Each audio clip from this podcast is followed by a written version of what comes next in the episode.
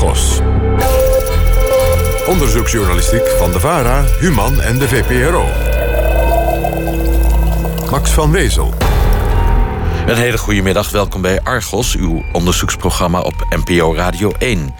Vandaag één onderwerp in Argos.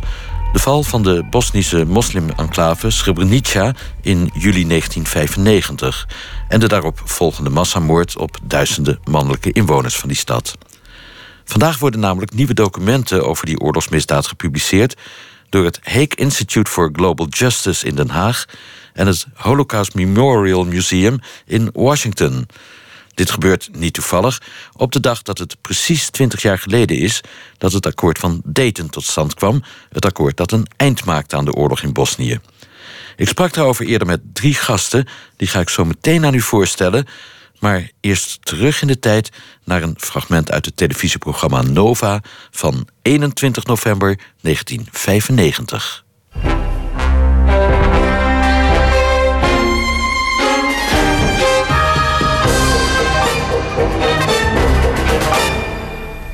presidents of Bosnia, Croatia, and Serbia have reached a peace agreement to end the war in Bosnia, to end the worst conflict in Europe since World War II.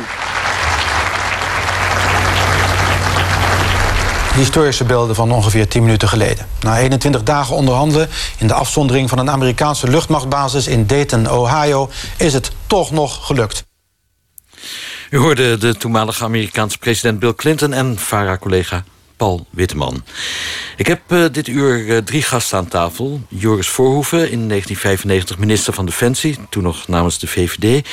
Bert Bakker, oud D66-politicus en in 2002 en 2003 voorzitter van de parlementaire enquêtecommissie die de val van Srebrenica onderzocht. En Huub Jaspers, onderzoeksjournalist, collega van Argos.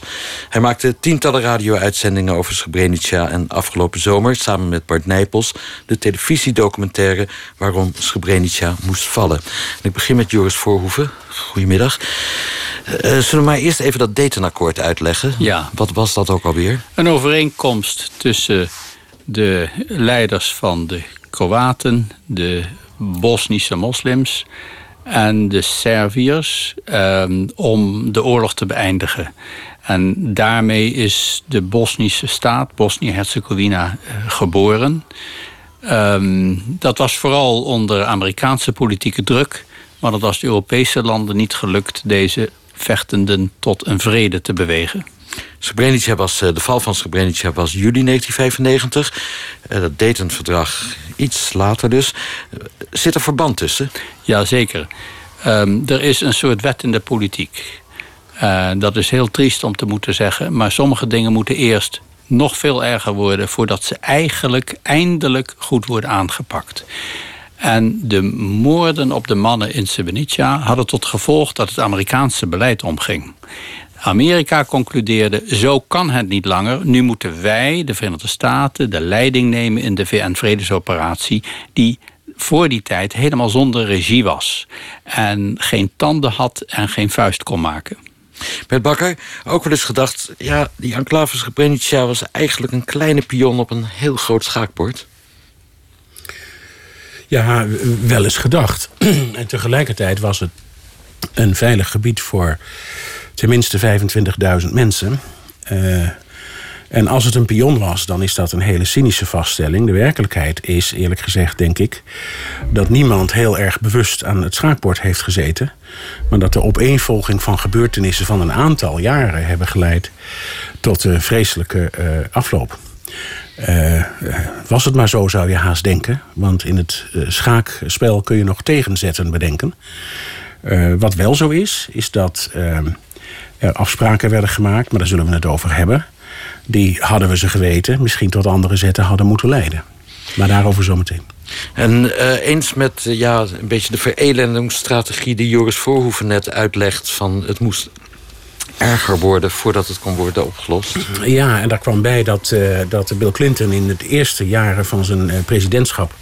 heel veel aandacht had voor binnenlands beleid de wereld ook eigenlijk een beetje opgelucht was over het einde van de Koude Oorlog. En, en, en heel optimistisch in het leven stond, zou je kunnen zeggen. Alleen in Joegoslavië wilden ze nog niet zo luisteren. Maar het was niet dat dat in de rest van de wereld zo heel erg serieus genomen werd. Nou ja, dan zie je in 1995 een aantal dingen bij elkaar komen. De vreselijke massamoord, het feit dat Clinton in zijn tweede termijn zit. Ja, en het feit dat uh, de verhoudingen in de wereld toch niet zo ideaal bleken te zijn geworden als we een paar jaar daarvoor misschien nog wel dachten. We gaan het straks hebben over hoe dat spel tussen de grootmachten is gespeeld in 1995. Maar ik ga eerst even naar Huub Jaspers. Want laten we even een paar maanden teruggaan in dat jaar 1995. Naar het moment in juli 1995 dat het misging. Hoe begon dat? Uh, dat begon op 6 juli met hevige beschietingen door de Bosnische Serviërs uh, op die enclave. En binnen vijf dagen werd die enclave compleet opgerold door troepen onder leiding van de Servische generaal Ratko Mladic. En vervolgens, toen ze die enclave één keer in handen hadden... zijn er duizenden mannen vermoord. Een gedeelte op verschillende locaties... in grootschalige massa-executies. En een heel groot gedeelte van de mensen die vermoord zijn... was een vluchtelingenstoet hè, die de enclave ontvlucht was... en die vanuit de omringende gebieden hevig onder vuur genomen werd... met, met zware artillerie, eh, geschut enzovoorts. En daar zijn heel veel doden bij gevallen. En vervolgens kwam de kritiek op de Nederlandse Dutchbed-militairen... van jullie hebben de andere kant op gekeken. Die konden eigenlijk niet veel meer doen dan machteloos toekijken. Want die waren veel te gering in aantal, te licht bewapend. Maandenlang afgeknepen en daardoor ook eh, behoorlijk gedemoraliseerd. En die kregen dus wel de zwarte piet. Terwijl in werkelijkheid de cruciale factor eigenlijk het uitblijven van NAVO-luchtsteun was. Precies. Want de, de, nou ja, de hele operatie was natuurlijk eigenlijk Ehm, eh, veel, veel te weinig toegerust. Hè. Dat gebeurde al in 1993. Uh, in, in de Veiligheidsraad was niet het draagvlak om er echt een zware missie van te maken. Dus het, het, uh, men noemde het ook deterrence by presence. We gingen er naartoe. Ja, en dan moesten partijen maar begrijpen dat het niet meer de bedoeling was om te vechten. En dat werkte niet. En het werkte bovendien steeds minder. Maar toen was niet het mandaat, niet de bewapening, niet de bevoegdheden. En uiteindelijk ook niet de luchtsteun. Want dat was dan ongeveer het laatste waarop werd vertrouwd. Uh, ook door de Nederlandse regering. Ook niet de luchtsteun om het tijd te kunnen keren.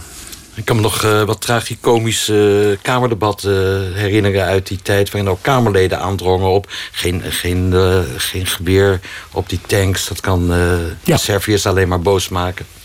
Nou ja, dat, maar dat was. Enerzijds was dat denk ik een grote naïviteit en gebrek aan inzicht in het conflict op de Balkan. Wat niet een conflict was dat zomaar ineens begonnen was... naar aanleiding van iets, maar wat natuurlijk ook al diepe wortels had in de geschiedenis. Uh, en in de tweede plaats weerspiegelde het een beetje de manier waarop Nederland... en een groot deel van de westerse wereld toen in het leven stond. Uh, nou, ja, naïef naïef. En, en, en de wereldvrede was zo'n beetje uitgebroken. Hè? Naar aanleiding van de val van de Koude Oorlog. Het waren echt heel andere jaren. Ook in het politieke belevenis. En ik vind het wel terecht om op te merken dat er was één Kamerlid die kwam terug uit een van een bezoek aan Bosnië. Uh, uh, en, en, en die had een gevoel van dat gaat eigenlijk niet goed. We rusten dat onvoldoende uit. Dat was Maarten van Tra. Uh, betreurd helaas. Ehm, maar die was er geweest. En die zei: Jongens, we, we onderschatten wat daar aan de hand is. Maar toen was het besluit al genomen. En uh, toen, toen gingen we al, zou je kunnen zeggen. Om het uh, drama verder te schetsen, Huub Jaspers. uiteindelijk is het Nederlandse kabinet, het, kabinet, het tweede kabinet Kok was dat, ten val gekomen door Srebrenica. Maar jaren zeven, later, hè? Ja, zeven jaren na dato. Uh, dat trad af in 2002, april, na verschijning van het NIOT-rapport. Dat rapport dat was een opdracht gegeven door de Nederlandse regering, duizenden pagina's dik. En toen uh, binnen een paar dagen uh, waren er allerlei discussies geweest in het kabinet. Besloot het kabinet, Wim Kok maakte bekend, het kabinet treedt af. En daarna pas is er een parlementaire enquête gekomen, die geleid werd door Bert Bakker. Joost Verhoeven, de documenten die vandaag worden gepubliceerd... zijn documenten die horen bij een conferentie afgelopen juni hier in, de, in Den Haag in Nederland gehouden. U was een van de deelnemers van die conferentie. Wat, was dat precies voor iets? Het was een bijeenkomst waarbij de belangrijkste besluitnemers... van verschillende landen en de VN... twintig jaar geleden bij elkaar waren gebracht... om ehm, met de afstand van 20 jaar nog eens goed met elkaar door te nemen... wat is er nou eigenlijk fout gegaan. Een dergelijke bijeenkomst heeft een jaar eerder ook plaatsgevonden over de moorden in Rwanda. Het Amerikaanse Instituut voor Holocaust Studies probeert zo de geschiedenis met nog levende besluitnemers uh, goed in kaart te brengen om daar lessen uit te leren. En dat is buitengewoon nuttig. ook dat rapport over Rwanda. En op deze bijeenkomst eind juni in Den Haag waren vrijwel alle hoofdrolspelers, met uitzondering van de Franse generaal Janvier. Um, er was een Franse ambassadeur, maar die heeft verder alleen aan het eind uh, wat algemene opmerkingen gemaakt.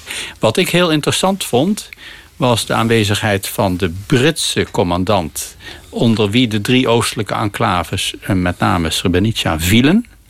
En de aanwezigheid van een grote delegatie van Amerikaanse diplomaten en mensen uit het Witte Huis. En de laatste zeiden eigenlijk: tot en met de val van Srebrenica hadden wij geen beleid. We wisten niet goed wat te doen. Er werden wel keuzes aan de president voorgelegd, maar er werden geen keuzes gemaakt.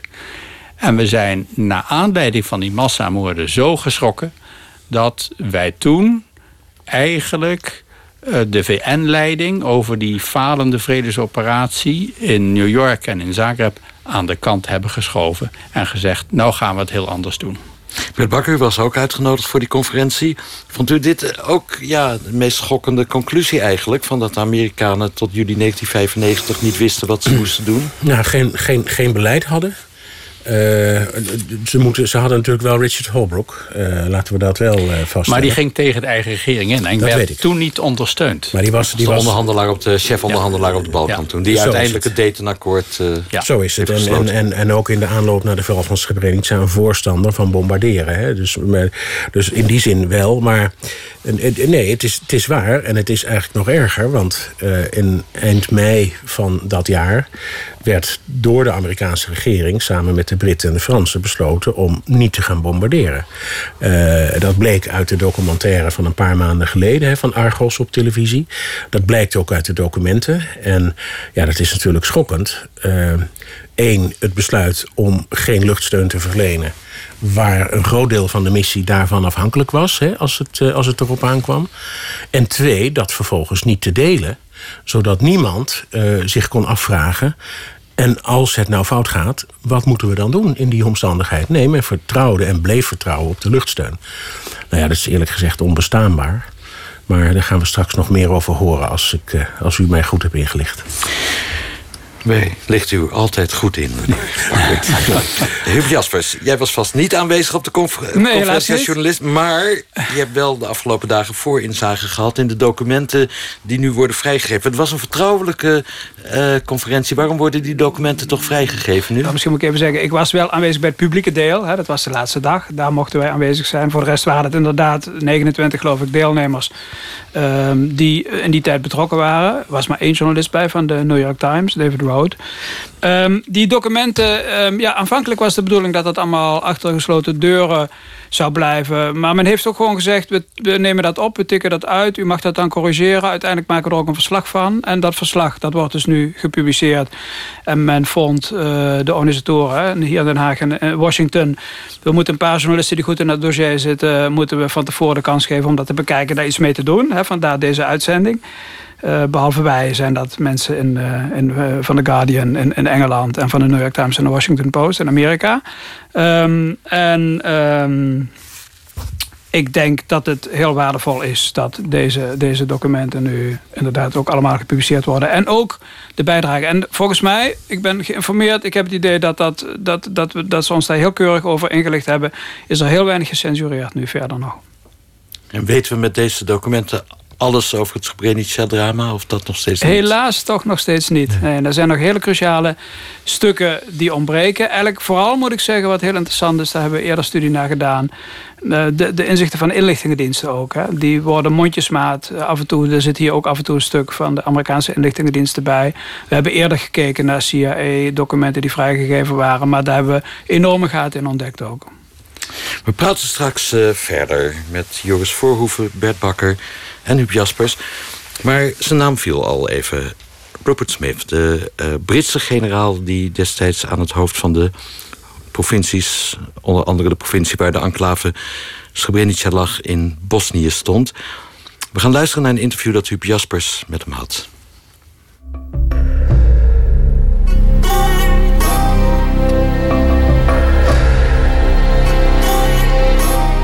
It was a failure. I was in command of it. And you remember if you were in the command of a failure. Het was een mislukking. Ik had de leiding over deze operatie. En je blijft het je altijd herinneren als je de leiding had over een mislukking. Sir Rupert Smith, vier sterrengeneraal buitendienst. Srebrenica was een mislukking, zegt hij. En daarvoor draagt hij als toenmalige hoogste commandant van de VN-troepen in Bosnië verantwoordelijkheid. Boven hem stond nog de Franse generaal Janvier. Die was verantwoordelijk voor heel Joegoslavië en viel rechtstreeks onder de secretaris-generaal van de Verenigde Naties, Boutros Ghali, en zijn speciale vertegenwoordiger Akashi. I do not feel that I or my command were guilty for the fall of Srebrenica. I was certainly responsible for the forces that were deployed. Maar, zo voegt hij er meteen aan toe, geen schuld. Schuld dragen degenen die de moorden gepleegd hebben of opdracht daartoe gaven. I have a particular feeling of responsibility to the Netherlands and its army because their soldiers were under my command at the time.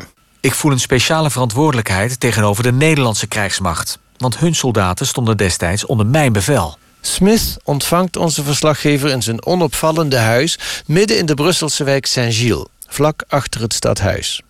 Hij houdt van Brussel. Vanwege de anarchistische trekjes, zegt hij lachend. En dus is hij er zijn tweede huis blijven houden. Na Joegoslavië werd hij de op één na hoogste generaal op het NAVO-hoofdkwartier. Op de krakkemikkige deurbel is de naam Smith nauwelijks te lezen. De generaal komt zelf open doen. Hij is casual gekleed. Geen stropdas, geen pak. De handdruk is stevig. De ontvangst hartelijk. Good morning, everyone. Thank you very much for uh, coming to the table. Everything that we are saying here is on background, confidential. We are recording Rupert Smith was eind juni een van de deelnemers aan de meerdaagse Srebrenica-conferentie van het Hague Institute for Global Justice. Zijn er bij die conferentie voor Smith nog belangrijke nieuwe feiten of documenten aan het licht gekomen? Did you learn something from the conference that you didn't know before? There's decisions being made in Washington, uh, particularly about bombing, that I was unaware of at the time. Er zijn in Washington besluiten genomen over bombardementen waar ik destijds niets van af wist. They make the point that after the airstrikes at the end of May and with the large hostage taking, it had been decided that such actions would cease. Now, I don't recall any mention of that to me at the time. Na de luchtaanvallen van eind mei 1995 en de gijzeling van VN-militairen die als reactie daarop volgden, werd in Washington besloten dat dergelijke aanvallen moesten worden gestaakt. Maybe I take the document uh, you're referring to. Maybe you could read what's said here. Yes. Um, at this rare Sunday, May 28th, Principals Committee meeting, officials decided to suspend quietly, in inverted commas, the use of airstrikes against the Serbs for the foreseeable future. Smith leest een passage voor uit een geheim geclassificeerd document van het Amerikaanse ministerie van Buitenlandse Zaken.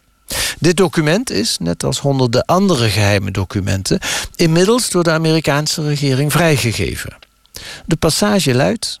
Tijdens deze zeldzame zondagse vergadering van het Principals Committee op 28 mei besloten de ambtenaren om gebruik van luchtaanvallen tegen de Serviërs voor de afzienbare toekomst stilletjes uit te sluiten. Dit document haalden we ook aan in de Argos televisiedocumentaire... die op 29 juni jongstleden werd uitgezonden op NPO 2. Dit veroorzaakte toen enige commotie in andere media en ook in de Tweede Kamer.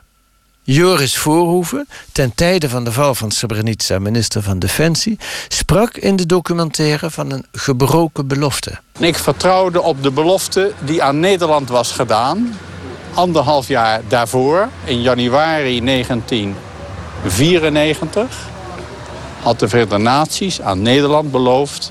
als de Serviërs aanvallen, komt er luchtsteun. Binnen twee uur. That I entirely agree.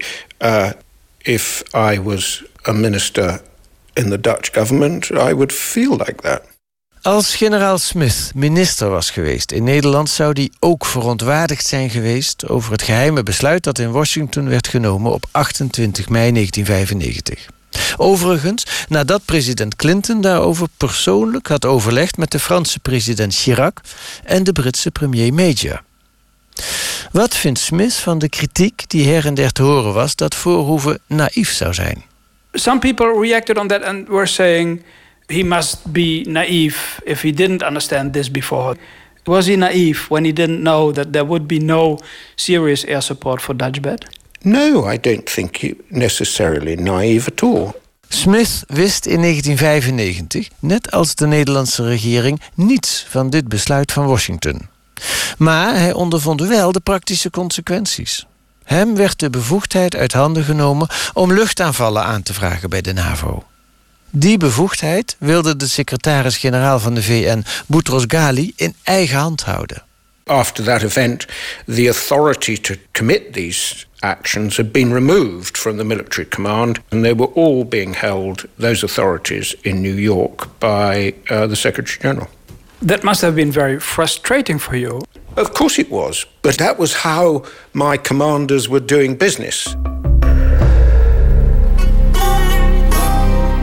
Frustrerend, ja, maar zo was de commandolijn, zegt VN-commandant Smith. Een dag na het besluit in Washington kreeg hij een directieve van zijn superieuren.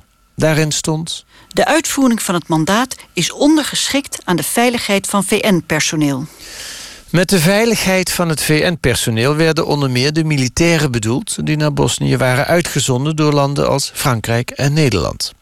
Hun veiligheid mocht dus niet in gevaar worden gebracht. Het was generaal Smith die in 1995 keer op keer waarschuwde voor de situatie rond de enclaves. Dit blijkt uit tal van documenten uit die tijd. Bijvoorbeeld uit een bericht dat de Amerikaanse ambassade in mei 1995 naar Washington stuurde. Generaal Smith heeft gezegd dat hij verwacht dat de Serviërs de enclaves één voor één zullen innemen. En Smith pleitte ook voortdurend voor daadkrachtige optreden door de VN. Dat deed hij voor het besluit van 28 mei en ook daarna. That was my argument that we should be more aggressive and so on and so forth. That we were standing around in somebody else's war, and if we wanted to make something happen, then we had to fight. Maar zijn argumenten waren gericht aan dovemansoren. So there is a resistance, a disinclination to even contemplate the use of air power even though I am saying we should go on being more aggressive, not necessarily to use it, but to create situations where we could use it. So there was a potential for its use. De bedoeling van het dreigen met luchtaanvallen was afschrikking. Niet noodzakelijkerwijs het ook daadwerkelijk uitvoeren van die aanvallen. Maar om geloofwaardig te zijn, om druk uit te kunnen oefenen, moet je zelf wel in staat en bereid zijn om, als het erop aankomt, het ook te doen. Dit om de tegenstander, in dit geval de Serviërs, voor het blok te zetten. Putting the Serb in this case in a position that he had to make a choice. Either get the convoys through, which after all was the mission we had, or suffer an airstrike. Dat was de logica van generaal Smith. Maar het lukte hem niet zijn meerdere hierin mee te krijgen. Your next difficulty is to convince everybody else that you're right. Um, and that I failed to achieve. Het volgende probleem was om iedereen hiervan te overtuigen. En ik ben er niet in geslaagd om dat te bereiken. Volgens Rupert Smith is het een optelsom van fouten die geleid heeft tot het drama van Srebrenica. Naast de slappe houding van de VN noemt hij onder meer het ontoereikend aantal blauwhelmen dat naar Bosnië is gestuurd en hun te lichte bewapening. Smith is duidelijk in zijn visie wie voor dit alles de hoofdverantwoordelijkheid draagt: de VN-veiligheidsraad en de landen die daarin de dienst uitmaken. The UN Security Council is the responsible body for a failure to protect Srebrenica. Hoe zwaar weegt in zijn ogen het besluit van de drie westerse permanente leden van de VN-veiligheidsraad in Washington om het luchtwapen niet meer in te zetten? Het besluit waarvan Nederland, maar ook VN-commandant Smith in der tijd niet op de hoogte zijn gesteld. What do you think is the importance of this decision taken on May 28 Well, it's only a few short weeks up to from that decision to Srebrenica. What are we talking about? Six weeks. And did the opponents in those days understand that there was no will to fight? I think the Serbs were very clear about that at that stage. The attack, in fact, started on July 6 with heavy shelling of Srebrenica. How did you hear that? Well, uh, at the time, I'm on leave. The first time I remember being aware, I've been called off leave to go to Geneva to meet with others, Jean-Pierre Cachet. Um, en Boutros Ghali. En Boutros Ghali. Op 6 juli, de dag waarop de aanval op Srebrenica begint, is Rupert Smith, de hoogste commandant van de VN-troepen in Bosnië, niet op zijn post in Sarajevo. Hij is op vakantie op het eiland Korčula voor de Kroatische kust.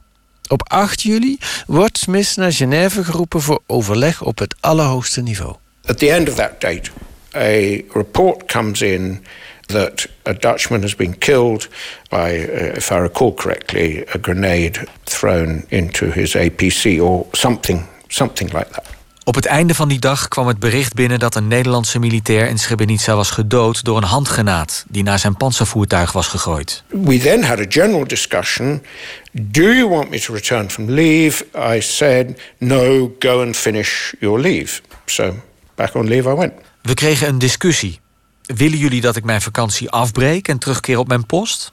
Nee, was het antwoord. Ga maar en maak eerst je vakantie af. Dus ging ik terug naar mijn vakantieadres. But with all the warnings that you did before, didn't you think it was your responsibility to go back? Yes, I'm responsible. I'm still responsible whether I'm on leave or not. I had deputies in place and so on and so forth. And no, I went back on leave. Natuurlijk was ik verantwoordelijk. En dat bleef ik, of ik nu met vakantie was of niet. Ik had plaatsvervangers, dus ik ging terug naar mijn vakantieadres. In your book you're saying it was decided that I should go back on leave. But who decided that? Was you the person who decided, or, or was it? Ultimately, I could have said, no, I'm definitely going back. But we had a discussion. There was Jean-Vier, Kashi, and me. Do you want me to go back? No, go on leave. And I went on leave. Uiteindelijk had ik kunnen zeggen: ik ga terug naar mijn post. Maar we hadden een discussie met Janvier, Akashi. Ik vroeg: willen jullie dat ik terugkeer? Nee, zeiden ze. Ga met vakantie. En dat heb ik gedaan. I think before you had expressed that if something would happen like this, then you would be a military commander who would say, We have to fight. Was that in the background of the decision that the UN top didn't want a commander there? No, I don't. I don't that's that's conspiracy theory far too far. No, I don't think we understood what was about to happen. Het was niet zo dat de VN-top mij niet terug wilde hebben... omdat ze bang waren dat ik zou gaan vechten. Dat is complotdenken, zegt Smith. Hij heeft voortdurend gewaarschuwd voor de slechte bedoelingen van de Bosnische Serviërs... maar wat er uiteindelijk gebeurde in Srebrenica... de moord op duizenden mannen... dat had ook hij niet zien aankomen. Na de val van Srebrenica keerde het tij. Vanaf eind augustus voerden NAVO-vliegtuigen massale luchtaanvallen uit op Servische doelen. En het was Rupert Smith die daarbij de leiding nam en de doelen uitkoos. Tegelijkertijd kwamen de vredesonderhandelingen onder leiding van de Amerikaanse diplomaat Richard Holbrooke in een stroomversnelling. Op 21 november leidde dit tot het Dayton-akkoord, dat een eind maakte aan de oorlog in Bosnië. Meestal wordt dit gezien als de verdienste van Holbrooke. Maar insiders die toen bij de operatie betrokken waren, zoals de Nieuw-Zeelandse diplomaat David Harland, wijzen erop dat de rol van Smith minstens zo belangrijk was. It is up for others to tell me whether mine or our UN force was the crucial part or not. We certainly played a part, and once Richard Holbrooke's and our endeavours were started to become aligned. And it, this took a bit of time in, at the beginning of September to achieve this. Then you began to reach a situation that got us to Dayton. Het is aan anderen om te bepalen of ik of de VN-macht de cruciale factor was of niet. We speelden hierbij zeker een rol.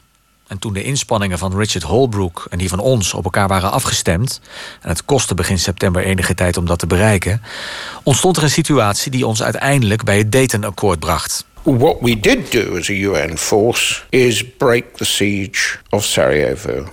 That was the UN who did that. Wat wij deden als VN-macht was de belegering van Sarajevo breken. Het was de VN die dat deed. According to David Harland, you started to make these plans already long before. He even said that you are acting sometimes in contradiction with the official politics of your own government. Well, they haven't complained. The um, the now you're laughing. Very meaningful. Volgens David Harland, die in 1995 als politiek adviseur van de VN nauw samenwerkte met Smith, was Smith al begonnen plannen hiervoor te maken, lang voordat hij daarvoor het groene licht kreeg. Bij de stelling van Harland dat de generaal daarmee zelfs in strijd handelde met het officiële beleid van zijn eigen regering, begint Smith te lachen. Ze hebben niet geklaagd, zegt hij veelbetekenend. I think by the end of it, yes, we were using force usefully. Uh, but by that time, it had become connected to a political process. It was serving a purpose. Until that time, we weren't really applying force to achieve anything. Maybe it sounds cynical, but did Srebrenica help to get this done for you? It's not cynical. The shock of the fall of Srebrenica and the dawning realization of the murders of all those men triggered a further set of decisions. Um, at that point, the keys were returned to the military commanders. Het is geen zin cynisch, zegt Smith, om vast te stellen dat Srebrenica hielp om het roer om te krijgen. De val van Srebrenica en het dagende besef dat al die mannen werden vermoord, leidde ertoe dat de beslissingsbevoegdheid over de inzet van het luchtwapen terug werd gegeven in handen van militaire commandanten. It is a profound decision that any attack on a safe area would be met by bombing, which would continue until this attack stopped. And it would not necessarily be applied just to the forces doing the attack. Het was een weloverwogen besluit dat elke verdere Servische aanval op een gebied dat onder bescherming van de VN stond, bombardementen tot gevolg zou hebben. En die zouden doorgaan totdat de aanval zou worden gestopt. En ze zouden niet per se beperkt blijven tot de troepen die direct bij de aanval betrokken waren. Tegelijkertijd werden ervaren onderhandelaars naar de Serviërs in Belgrado en in Palen gestuurd om hen duidelijk te maken dat het spel voorgoed veranderd was. En dit werd allemaal veroorzaakt door de gebeurtenissen in en rond Srebrenica. And senior Air Force officers were sent to the Serbs in Belgrade and in Pale to make sure that they understood that the game had changed. Now that was triggered by the event of Srebrenica.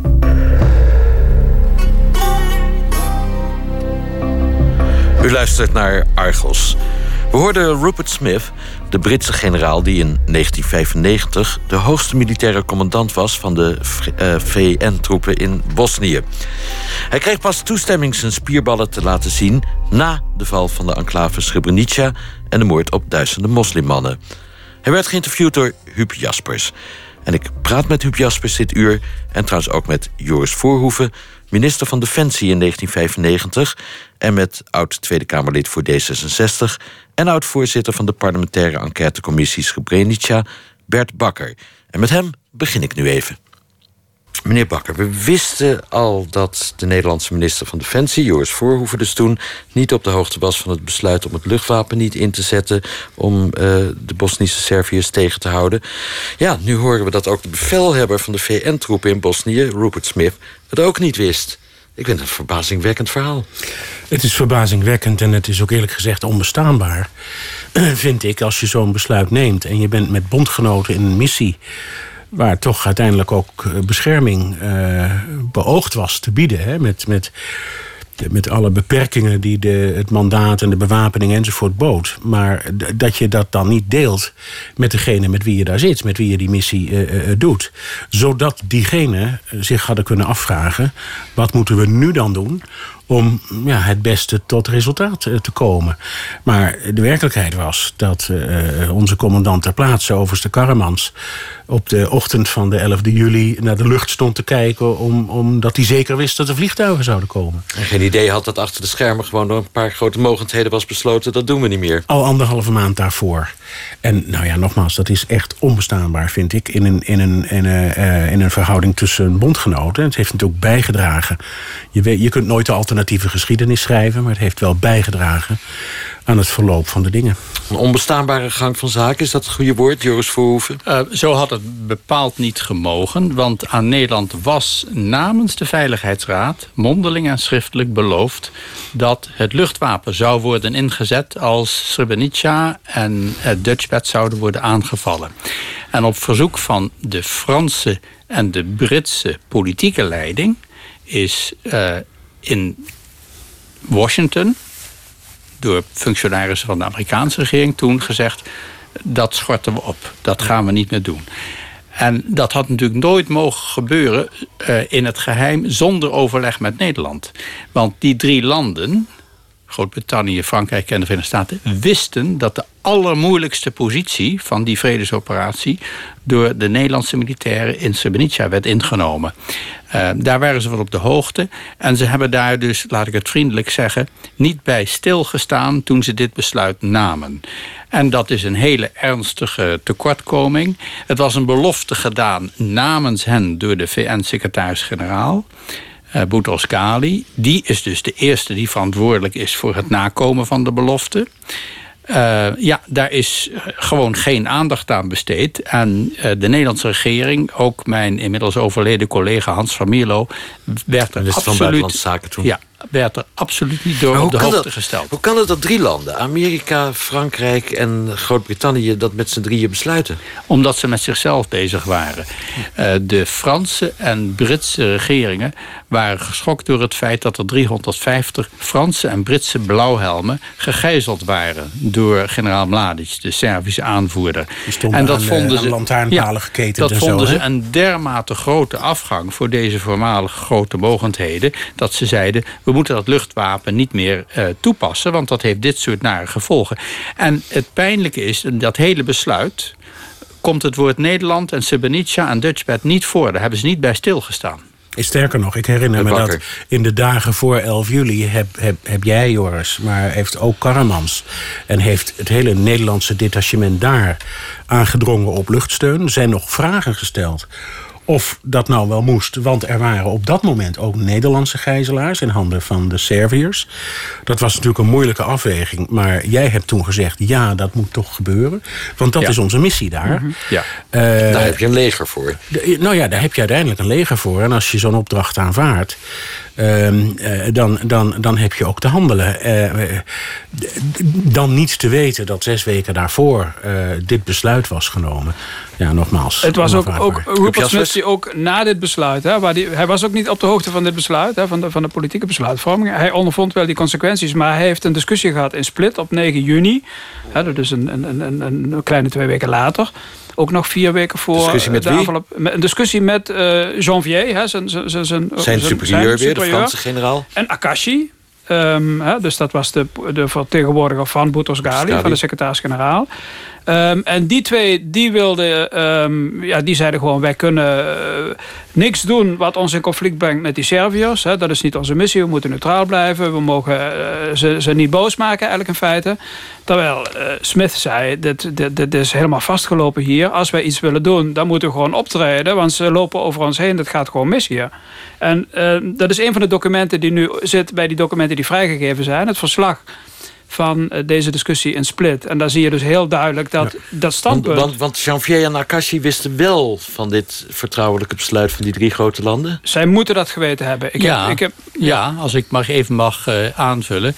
Want eh, de Franse generaal Janvier heeft eh, een paar dagen na het besluit... een schriftelijke instructie aan generaal Smith gegeven... Ehm, waarin staat: we moeten niets doen waar de Serviërs uh, boos van worden, such as the use of air power, zoals de inzet van de luchtmacht. En ehm, ja, in die zin waren de kaarten dus geschud. Uh, al wekenlang voor de Servische aanval tegen Srebrenica en tegen de taak van Dutchbed. Dus misschien, misschien mag ik even één, zin, één zinnetje even citeren. I insist that we will never have the possibility of combat. Of imposing our will on the Serbs. Dus ik sta erop dat wij nooit de mogelijkheid zullen hebben uh, om te vechten. Om onze wil op te leggen aan de Serviërs. Dat was wat hier dat letterlijk Janvier letterlijk zegt. Hè? Ja. Ja. Dat is veel betekenend.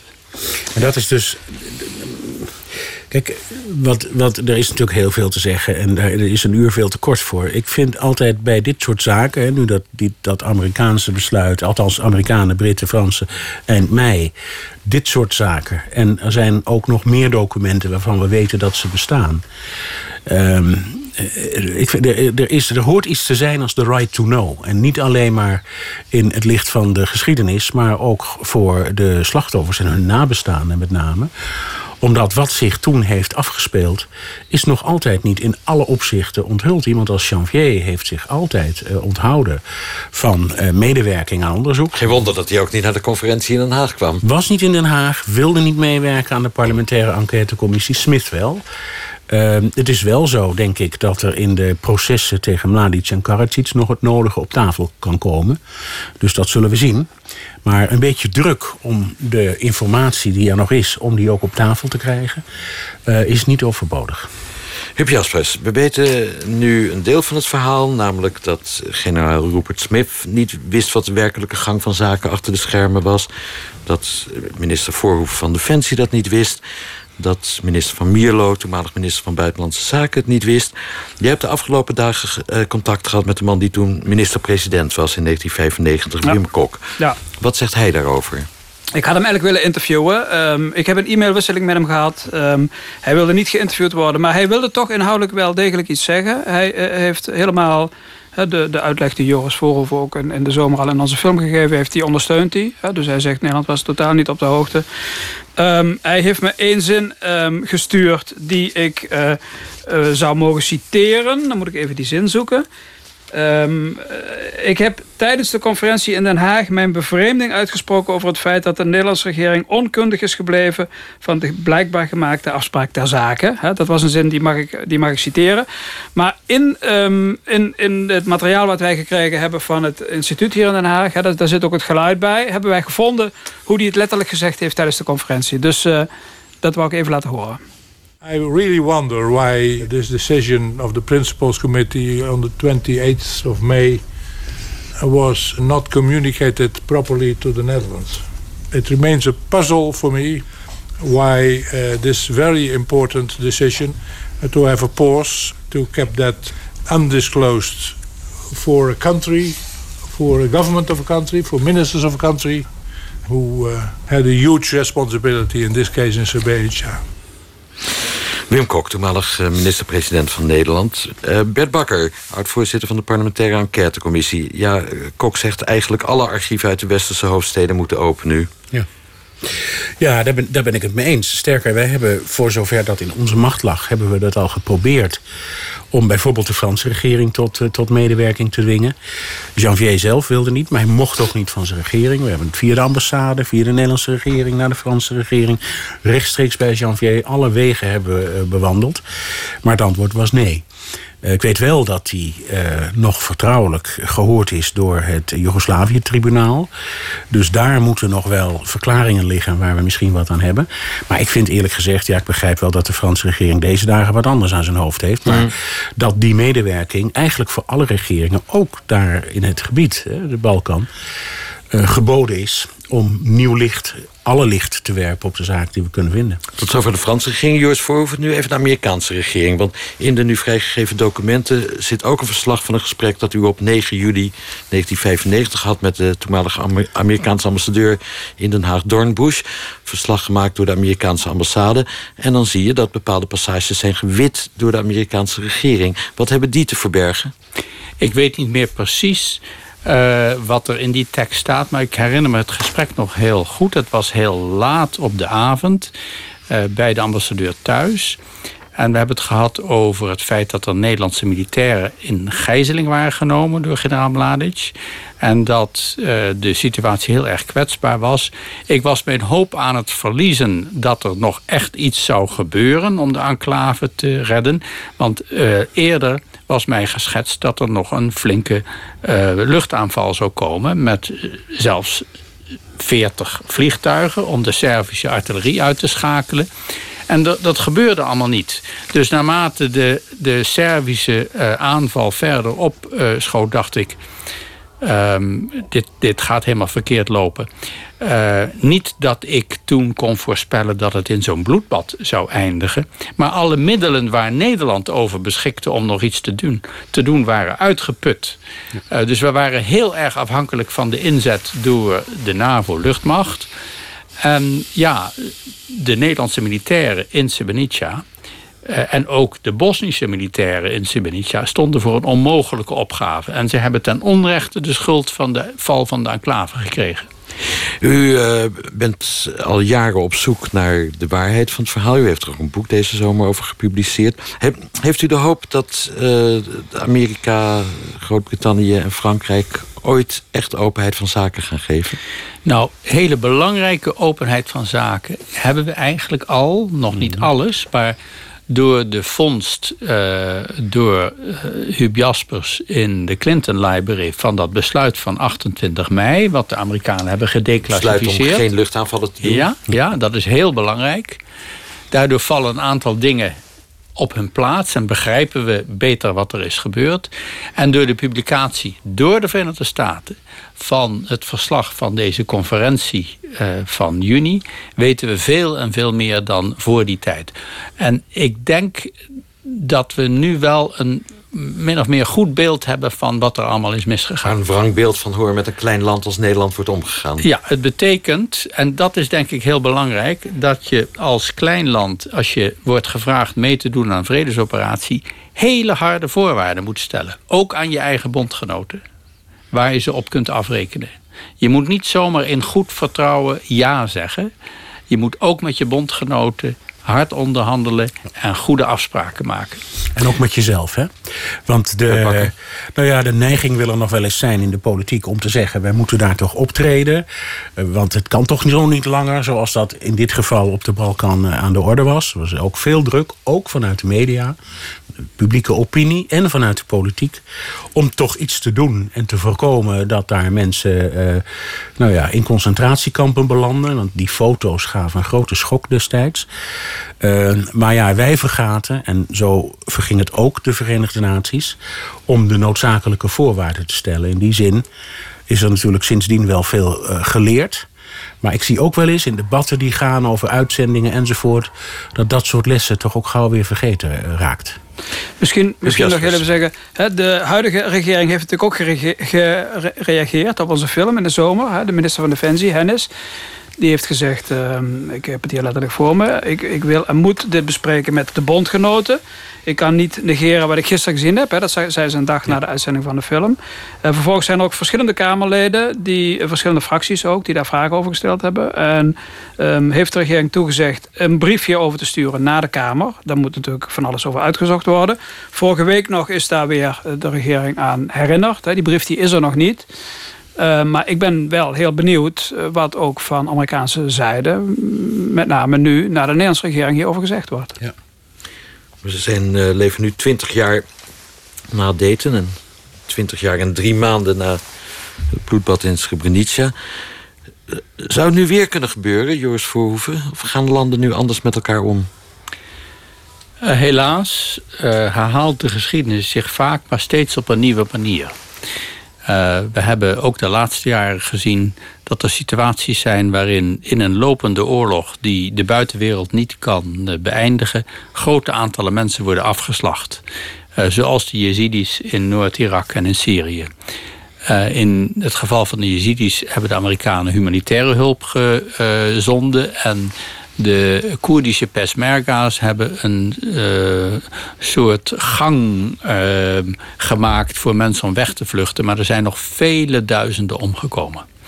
Dus uh, we moeten niet denken dat er op het terrein van uh, politiek en vrede en veiligheid alleen maar vooruitgang is. Er gebeuren nog steeds hele vreselijke dingen in de wereld. Bert Bakker, hebben we geleerd of eigenlijk niet in die twintig jaar?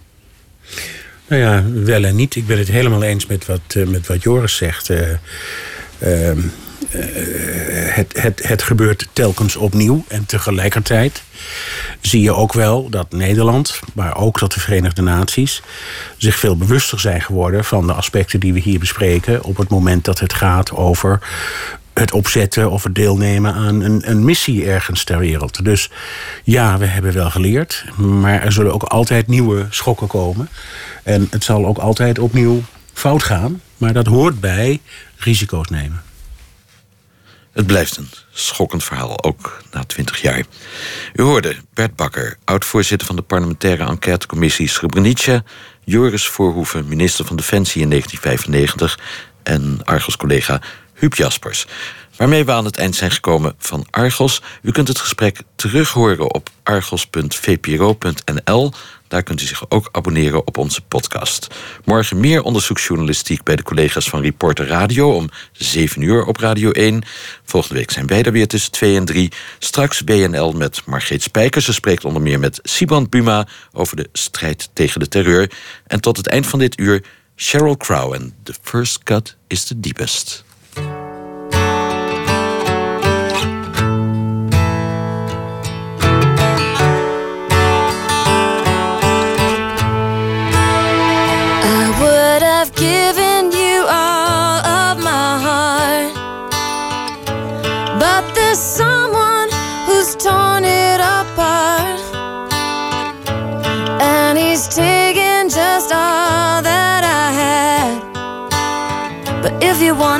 Try to love again.